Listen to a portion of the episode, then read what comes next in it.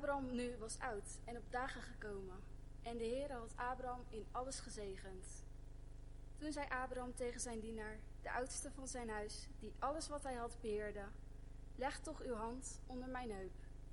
Ik wil u laten zweren bij de, bij de Heere, de God van de hemel en de God van de aarde, dat u voor mijn zoon geen vrouw zult nemen uit de dochters van de Canaanieten, te midden van wie ik woon.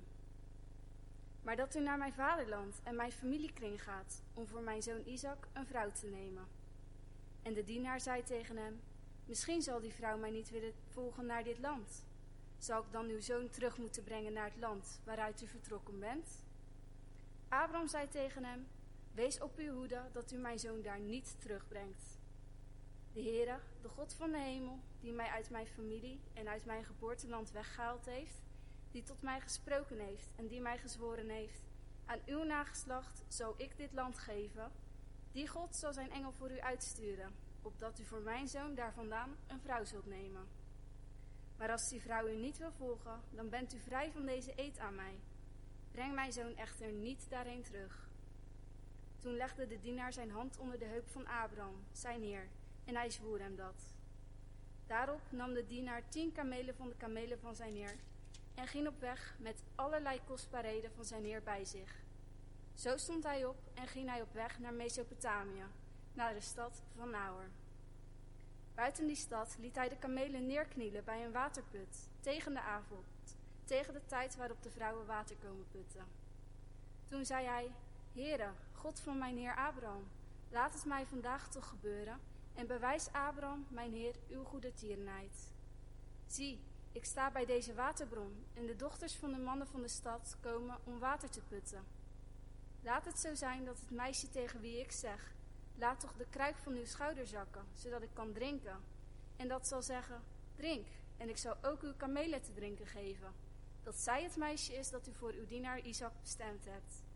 Daaraan zal ik dan weten dat u mijn heer goede tierenheid bewezen hebt. En het gebeurde, voordat hij uitgesproken was, dat zie, Rebecca de stad uitkwam, die bij Bethuel geboren was, de zoon van Milka, de vrouw van Nahor, de broer van Abraham. Zij had haar kruik op haar schouder. Het meisje was erg knap om te zien, een maagd. Geen man had gemeenschap met haar gehad. Zij daalde af naar de bron, vulde haar kruik en klom weer naar boven. Toen liep de dienaar snel naar haar toe en vroeg, laat mij toch wat water uit uw kruik drinken. Zij zei, drink, mijn heer. En zij haastte zich en liet haar kruik op haar hand glijden en gaf hem te drinken. Toen zij hem genoeg had laten drinken, zei zij, ik zal ook voor uw kamelen water putten, totdat ze genoeg gedronken hebben. Zij haastte zich en goot haar kruik leeg in de drinkbak en liep snel weer terug naar de put om water te putten. Zij putte voor al zijn kamelen. De man sloeg haar zwijgend gade om te weten te komen of de Heere zijn weg voorspoedig gemaakt had of niet. Dan gaan we door naar vers 66. De dienaar vertelde Isaac al de dingen die hij gedaan had. Toen bracht Isaac haar in de tent van zijn moeder Sarah. En hij nam Rebecca en zij werd hem tot vrouw. En hij had, had haar lief. Zo vond Isaac troost na de dood van zijn moeder.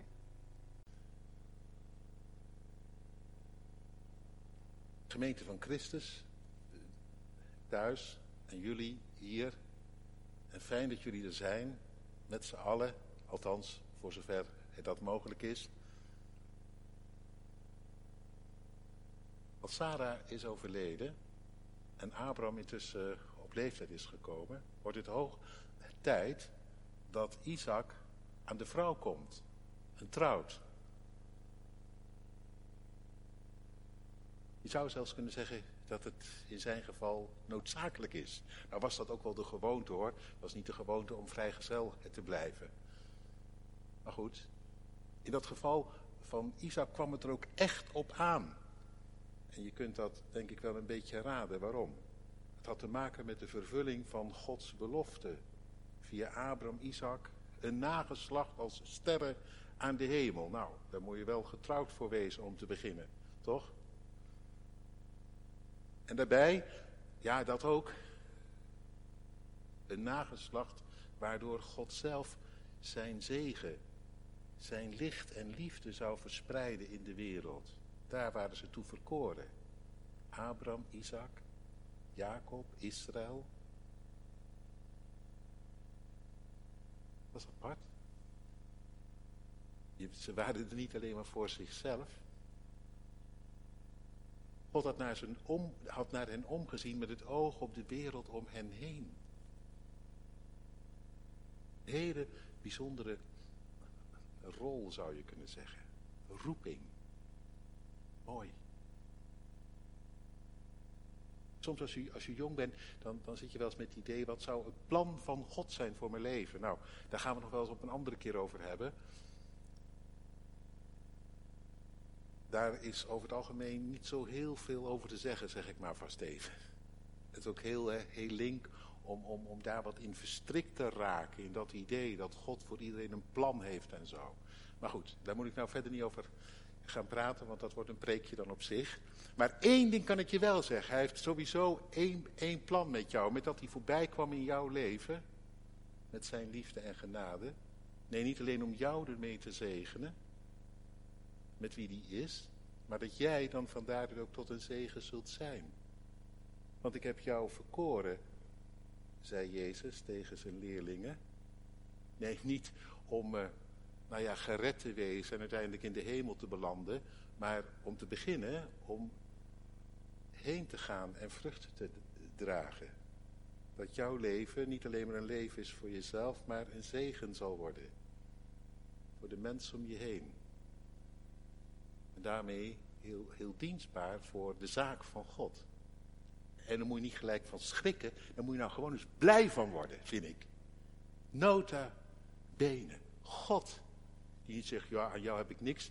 Die zegt, ik wil jou graag inzetten. Jou zegenen met het mijne, zodat jij een zegen kunt zijn. Nou, dat gold voor Abraham en voor Isaac. En daarom, ja, in hun geval, ik heb het net al gezegd, het kwam erop aan.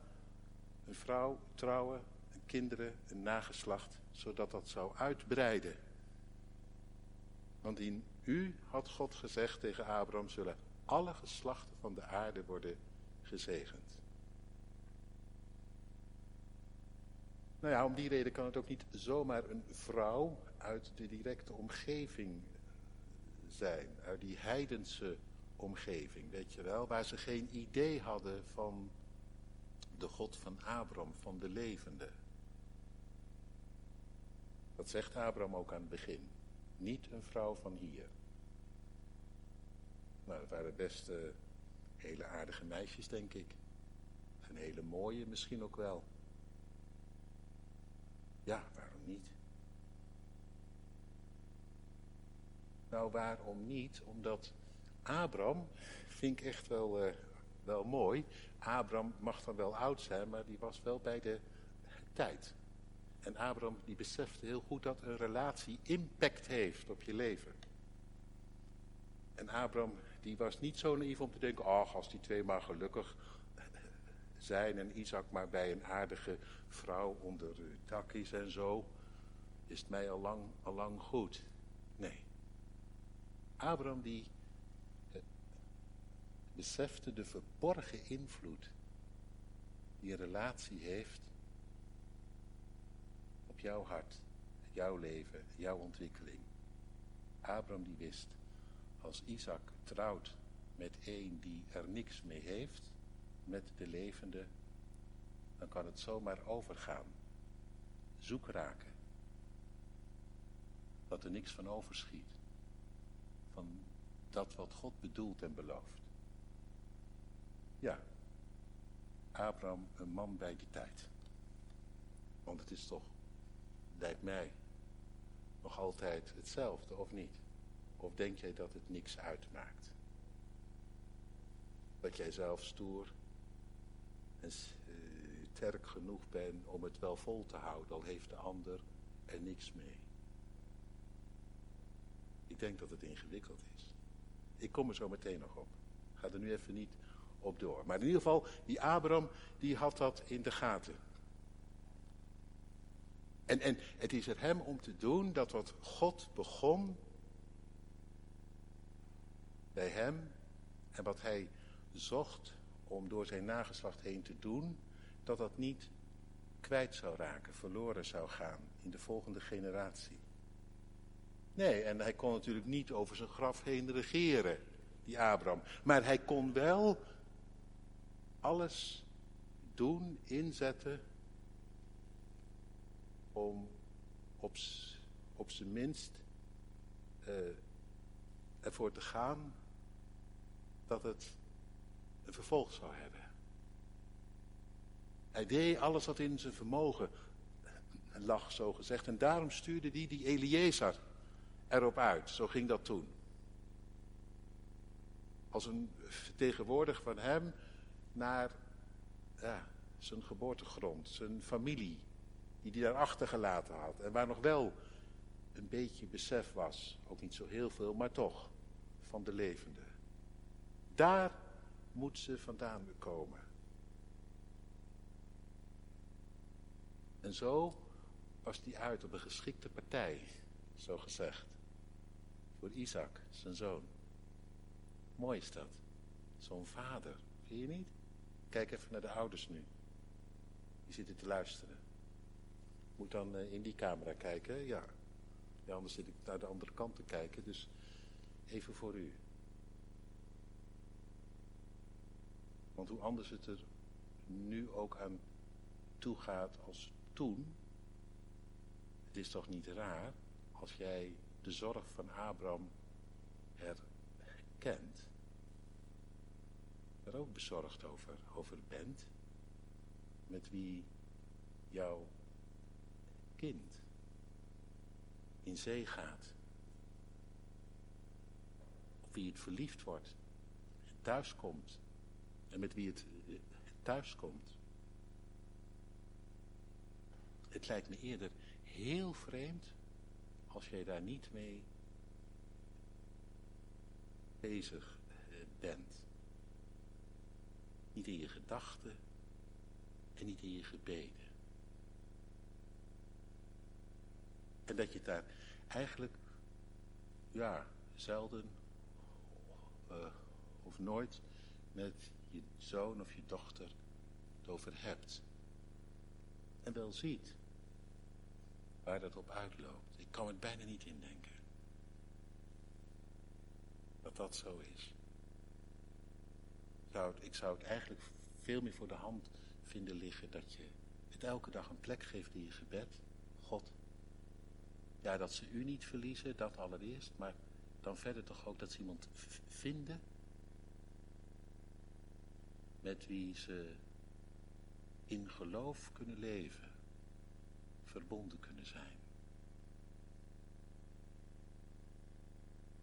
Is dat, is dat zo? Heeft dat een plek in jouw gebed? Nou, mooi. Mooi als dat zo is. Als, als dat lijkt op hoe het eh, bij Abraham was. En als je beseft dat het enorm veel impact heeft. Met wie jouw kind thuis komt. En door het leven gaat. En, en dus ook ja, zoekt naar gelegenheden en, eh, en momenten om het erover te hebben. Abraham had het er met die Eliezer over. Nou, dat doen we vandaag niet meer. Jij kunt het gewoon direct met je eigen kind erover hebben, toch? Zeker, dat is ingewikkeld. Ja, dat weet ik ook wel. Dat is heel ingewikkeld om je daarin te mengen. Want wij leven in een cultuur waarin natuurlijk niet de ouders uit, uitmaken met wie uh, een kind uh, uh, verkering krijgt en trouwt. Nee, en dat is ook goed dat dat voorbij is. We leven in een cultuur waarin het gaat over vrijheid. En waarin je zoon, je dochter het zelf voor het zeggen heeft.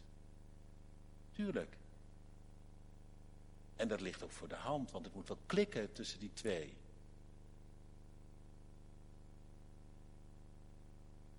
En bovendien, het is heel persoonlijk natuurlijk, hè. Op wie hij of zij verliefd eh, wordt. En ja, het is wel ingewikkeld om daar als ouders om tussen te komen. Dat begrijp ik. En, en je kind zit er op zijn achttiende of twintigste of eh, tweeëntwintigste al helemaal niet meer. Uh, ook niet op te wachten. dat jij je daarmee bemoeit. Nee. En, en van ongevraagde adviezen zijn ze natuurlijk ook niet echt gediend. Ik praat nu een beetje langs jullie heen, maar ik heb even tegen je vader en moeder. Kun je het er ook nog eens over hebben met hen? Over al die dingen die ik nu tegen hen zeg. Ik denk dat je het wel herkent wat ik zeg. Nou ja, even weer naar die vader en moeder. Ja, wat moet je dan? Ja, die Abraham die kon dat toen regelen via die Eliezer. En jij? Moet jij het maar gewoon dan laten gaan, hopen en bidden en misschien je hart vasthouden en verder niet? Nou ja, soms dan kun je niet veel meer, zeker als je kinderen intussen volwassen zijn geworden. Maar daarom, daarom zeg ik, daarom zeg ik, is het aan te raden. Ze al veel eerder het nodige daarover over mee te geven. Niet maar af te wachten totdat ze een keer met iemand thuiskomen. Of zeggen, ja, ik ben verliefd op die en die. Wie? Nee, maar gewoon het erover te hebben daarvoor, al lang daarvoor. Een veertiende, vijftiende, zestiende. Waarom niet? Abraham die eh, beseft hoeveel impact het heeft. En was erop bedacht dat het nogal wat uitmaakt. En jij? Waarom zou het niet gewoon, ik zou het zo willen zeggen, hun rugzak vullen met goede verhalen, eerlijke verhalen. Dat het nogal wat uitmaakt met wie je in zee gaat. Of het, het klikt. Of je één bent. In geloof. Of er echt een over en weer is. Je gezien wordt en begrepen, dat soort, soort elementen. Dat je het daarover hebt, dat kan je kind heus wel begrijpen hoor. Ze begrijpen veel meer dan dat je denkt. Of laat je het maar gewoon op zijn beloop. En moet ze dat zelf uitvinden, uitvogelen. Wat geef je mee? Wat geef je mee?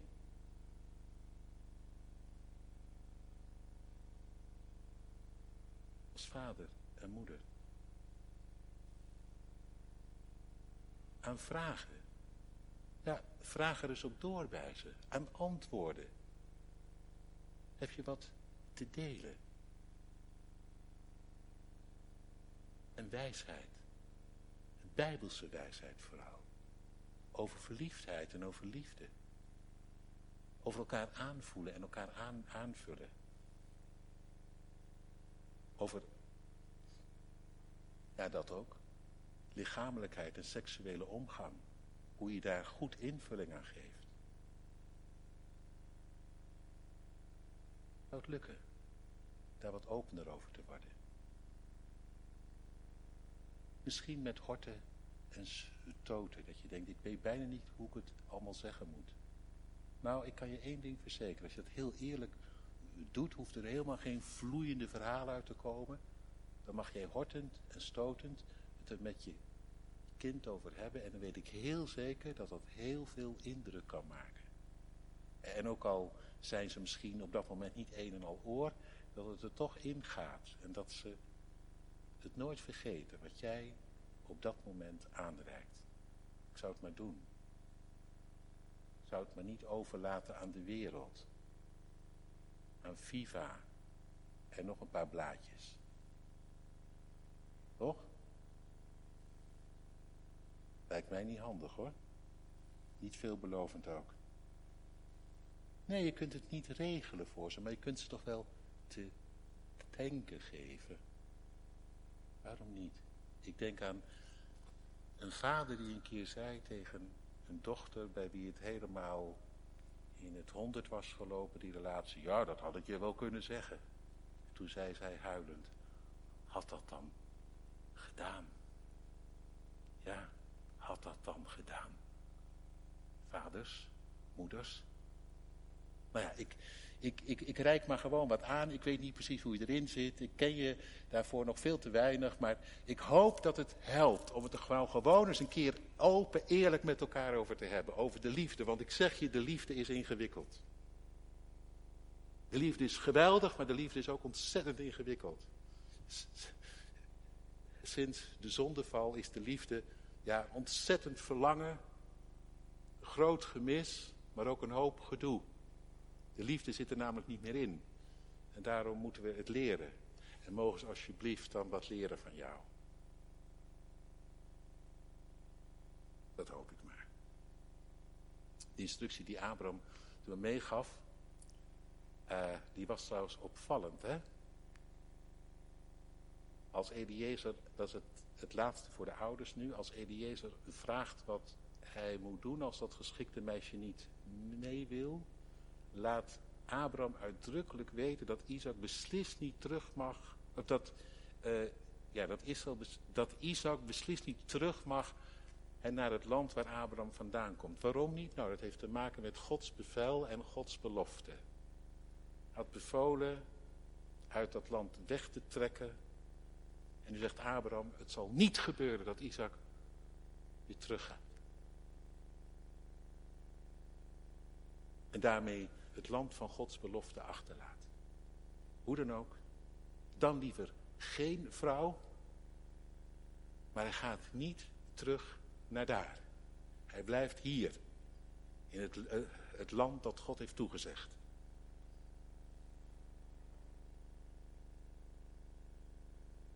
Nou, dat is nogal wat. Dat is een helder bevel. Paulus, Paulus die heeft later geschreven dat het niet goed is om een juk met een ongelovige aan te gaan. En dat klinkt natuurlijk verschrikkelijk ouderwets en achterhaald, maar dat is het niet. Want, zeg maar, denk je maar even in, een juk, daar, loopt, daar lopen twee runderen onder of twee, uh, twee ossen. Maar als je nou onder één juk een os laat lopen en een ezel, dan weet je dat dat niet goed gaat komen. Die twee irriteren elkaar op den duur en beginnen te, te, trappen en te schoppen. Dat is dus niet handig. En Paulus die geeft er ook nog een andere reden voor. Hoe zal het licht gemeenschap hebben met de duisternis? En dat is er echt een om over, over na te denken en het met elkaar over te hebben. Want ik begrijp heus wel hoe ingewikkeld dat kan zijn. En ik voel tot in mezelf toe de aarzeling om dat gewoon ronduit te zeggen. Maar Abraham weet wel. Hij gaat niet terug naar daar. Hij blijft hier, bij het beloofde van God. En dat mag je ook tegen elkaar, denk ik, zeggen. En dat doe je niet om elkaar dwars te zitten. Dat doe je om het goede voor elkaar te zoeken. Dat je dat wat God met je voor heeft, dat je dat niet met elkaar verliest. Dat, dat bij een volgende generatie gewoon overgaat en dat daar niks van overschiet. En dat je niet meer wordt gezegend en dus ook niet meer een zegen kunt, kunt zijn. En daar mag je dus als vader en moeder met liefde en geduld het over hebben. Mijn lieve kind, je bent me te lief om je zomaar te verliezen het risico te lopen. Dat je wel, ja, die ene vindt met wie jij dan door het leven wil en intussen God zelf en zijn genade kwijtraakt. Willen we gewoon het proberen in de gemeente en naar elkaar toe. Zonder taboe. Het daar eerlijk over te hebben. Er lijkt me veel voor te zeggen. Want ik kan je één ding verzekeren. Door gemengde relaties, en ik zeg iets wat natuurlijk niet voor iedereen zomaar geldt, maar toch. Ik heb het te vaak gezien om het in te slikken. Door gemengde relaties is al heel veel geloof verloren gegaan. Zijn ge, uh, gezinnen van God weggeraakt. Is de gemeente van Christus ondermijnd. Is dat wat God voor heeft. Dampt. Ik moet er niet aan denken. Weet je, er staat een belofte in datzelfde gedeelte. Ik zal jou tot een God zijn, tot een vader. En jij zult mij tot een zoon, een dochter zijn. Ik sta voor je in. Ik ga met je mee. Willen we zo, zo ons laten gezeggen. Ons laten zegenen door de hemel. Nou, laten we er eerst een lied over horen. Een, een lied vol belofte. Een gebed. Psalm 65.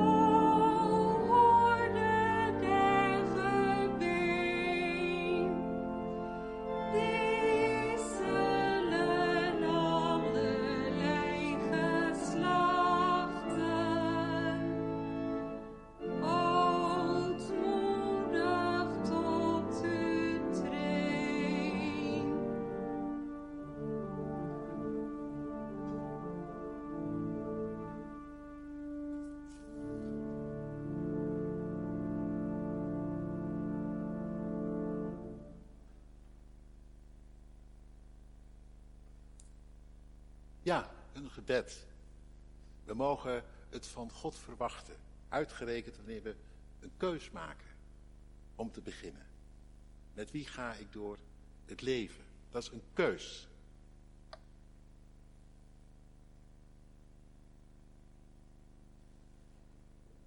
Dat zie je hier, in dat verhaal van Eliezer. Hij gaat op zoek.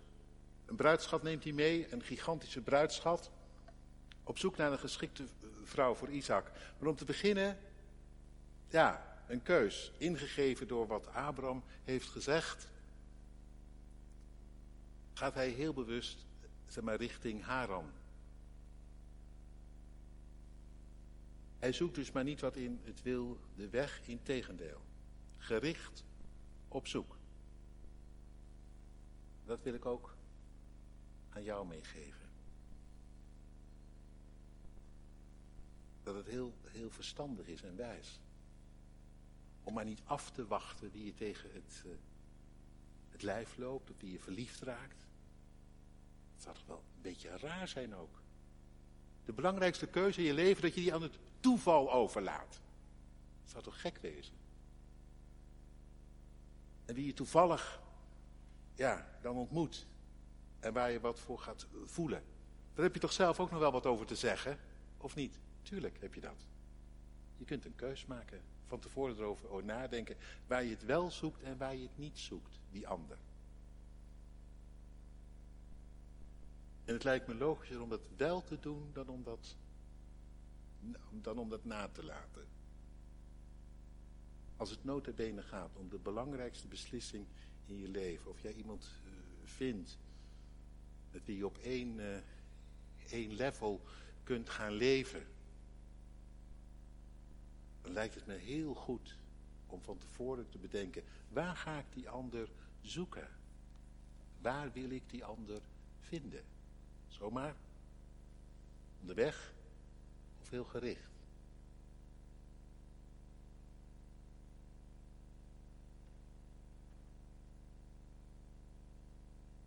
Het zal toch niet zo zijn dat jij daar helemaal niks over te zeggen hebt? Dat dat alleen maar een kwestie is van je gevoel. Je hebt je, je, hebt je verstand toch ook nog, of niet? Tuurlijk, tuurlijk moet je verliefd worden op iemand. Dat begrijp ik ook wel.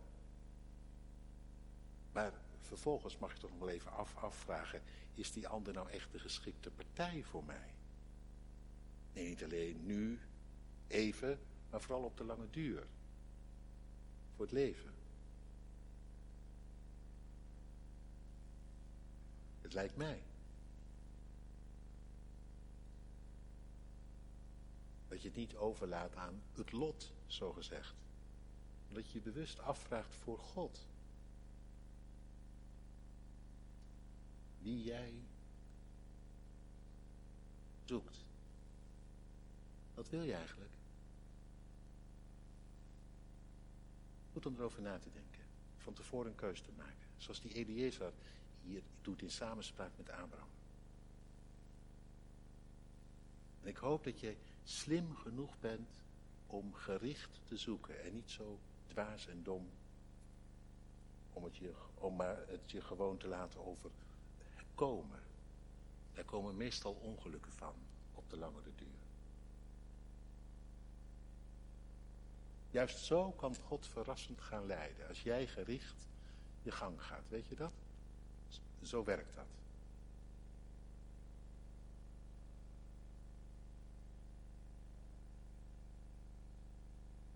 Echt.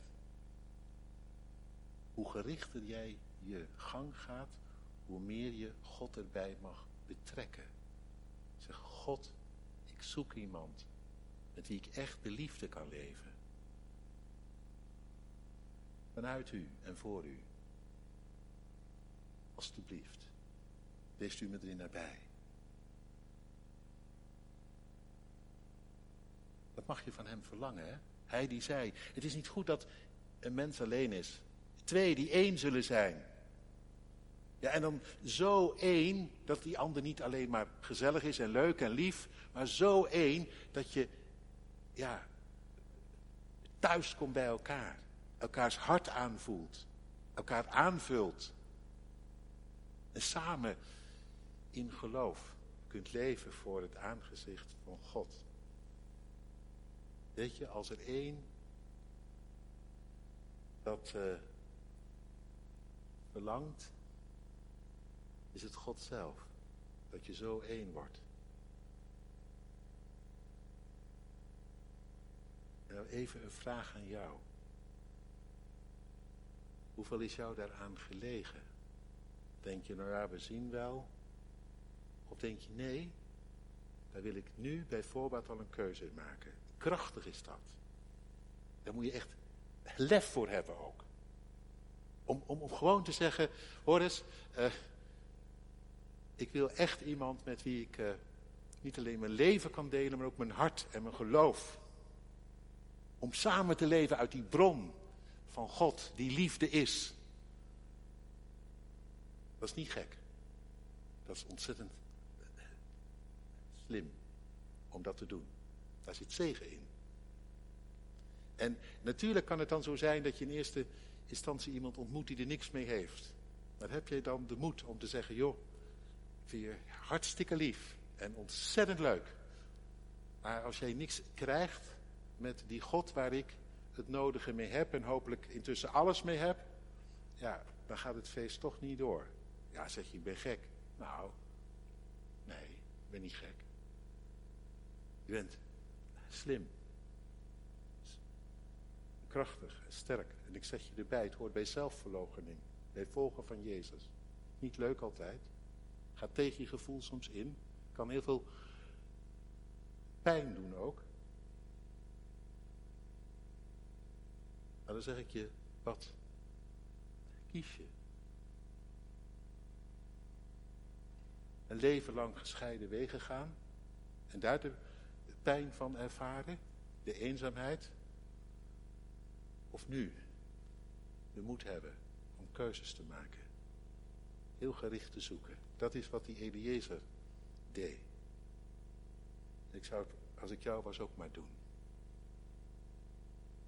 En daarbij, ja dat is mooi, dat is mooi. Die Eliezer die vraagt een, een teken als hij daar dan gekomen is bij die put, we hebben het gelezen, een teken vraagt hij. God, als dat meisje zus en zo en zo doet, dan is dat wat mij betreft het teken dat zij het is. Nou, misschien herken je dat wel, dat je dat ook wel eens hebt gedaan, een teken vragen, maar het is ook wel een beetje linker soep. Vooral als het een teken is wat uit de lucht gegrepen is. Als ik nu de komende, het komende half uur tien rode auto's zie, dan moet zij het zijn. Want zij heeft ook een rode auto. Ja, dat zijn natuurlijk een beetje rare tekenen. Dat begrijp je zelf ook wel. Dus we zitten soms een beetje op een rare manier naar een teken te zoeken. En daar kun je ook ontzettend mee onder water gaan. Dat zeg ik maar even. Maar dit, wat die Isaac hier doet, dat is wel mooi. Want hij vraagt niet zomaar een teken.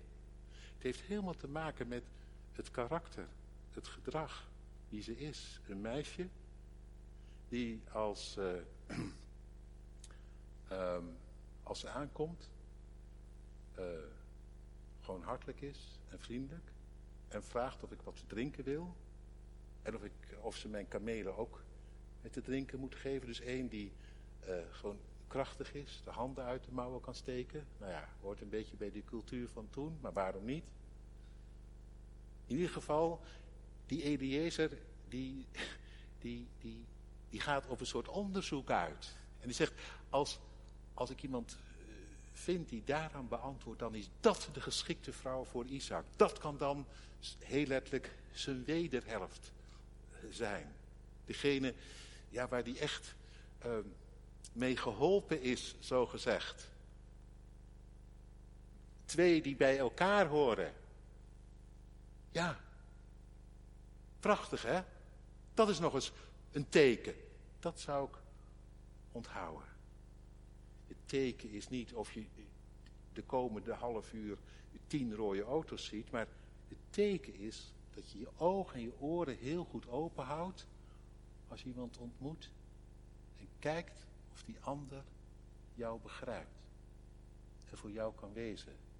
Of jij voor die ander kan, of jij voor die ander kunt zijn. Of je zogezegd voor elkaar bent gemaakt. Dat is het teken waar Eliezer om vraagt. Daar ben je dus zelf helemaal bij betrokken. En dat zie je hier ook. Eliezer zit maar niet wat te dromen en af te wachten. Eliezer houdt zijn ogen en zijn oren goed open. En let op. En dan uit datgene wat hij aan haar ziet, daar maakt hij op. Zij is het. Daar moet je dus op letten. Is die ander voor mij gemaakt, zo gezegd. Op zo'n manier dat het combineert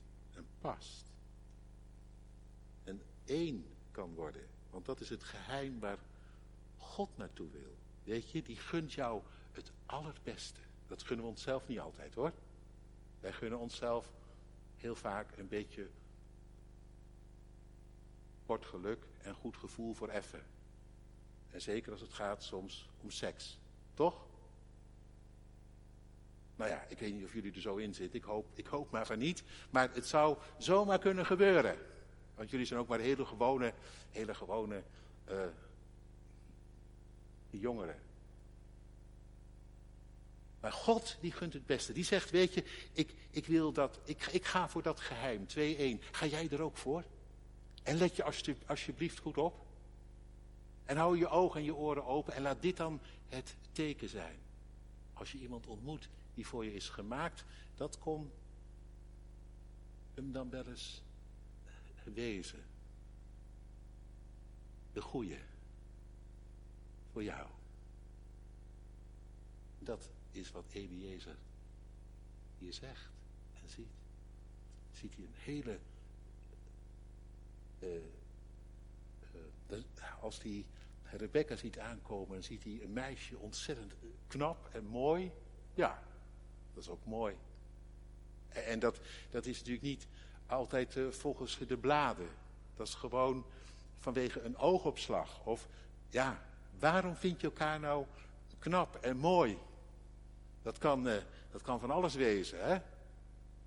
Maar in ieder geval, Je ziet ineens wat in die ander. Een klik. Jij. Jouw blik. Jouw ogen. Jouw mond. Jouw lippen. Tuurlijk, dat hoort er allemaal ook bij. Mooi. Prachtig. Geniet ervan. Alsjeblieft. Het hooglied, de, dat zingt erover. Hoe mooi de ander is. Van tot tot het teen en weer terug. En het is heel mooi als je zo ook van elkaar geniet. En het liefst een leven lang. Dus dat hoort er allemaal, allemaal bij. En dat gunt God je ook volop, want hij heeft ons zo gemaakt. En hij heeft ons mooi gemaakt. Hè? Nou ja, goed. Maar in ieder geval, een meisje, heel mooi staat hier. Een maagd nog, niet één die is afgeleefd. En afgelikt door iedereen. Dat is ook wel fijn. Toch? Voor de ander en voor jezelf. Volgens, uh, het is, uh, uh, volgens mij, word je er niet vrolijker van, allebei, als je het gevoel hebt, die ander heeft het al been toe vaak met een ander gedaan. Dat maakt onzeker volgens mij. En dan ben jij er gewoon één in de rij. Ja, dat is vandaag de dag hip en chill en in. Maar het is verlies, geen winst. Je kunt honderd keer roepen, ja we leven nu in 2021, nou en? Het is allemaal heel ouderwets. Weet je dat? Dat was in het, het jaar nul ook wel zo. In het Romeinse Rijk, dat was er van vergeven. En Paulus zegt, zo zal het niet zijn. Je zult gaan voor die ene. En jij, de man, de jongen, die zal de eerste zijn in liefde. Niet degene die erop uit is om dat meisje zo snel mogelijk te nemen en als het niet bevalt weer af te danken. Dat is eigenlijk ook allemaal armoede natuurlijk, dat snap je wel. Al lijkt het soms verleidelijk. Nee, de eerste in liefde, hoofd, dat mag je zijn. Niet de baas, hoofd in liefde, de eerste. En dat je haar het hof zo maakt dat zij zich aan je toevertrouwt. Onderdanig, zo wordt dat dan vertaald als niet goed. Maar dat ze zich aan je toevertrouwt. Prachtig. Omdat ze voelt, hij houdt van mij, hij gaat voor mij. En dat zij dan gaat voor jou, zoals het is tussen Christus en de gemeente. Dat geheimenis, dat gunt hij hè. God gunt je het mooiste wat je kunt bedenken. En daar ga ik nu ook eindigen. Want dan komen ze bij elkaar en Eliezer verhaalt en Isaac die staat versteld. En Rebecca, ze weet zich door, door God in dit hele verhaal geleid en ze, en ze vertrouwt aan die Isaac toe. En dan staat er heel mooi, Isaac had haar lief. In die wereld van toen, dat had je niet zo vaak. Waar huwelijken werden geregeld door ouders. Maar in dit geval toch wel. En samen verdwijnen ze in de tent. Om de liefde te leven die God zelf had gegeven. Waarin hij de hand had gehad. Een liefde om van te dromen. Nee, meer nog. Om in levende lijven te leven. Lieve mensen. Lieve jongens en meisjes, ga daarvoor. God gunt je echt het beste. Amen.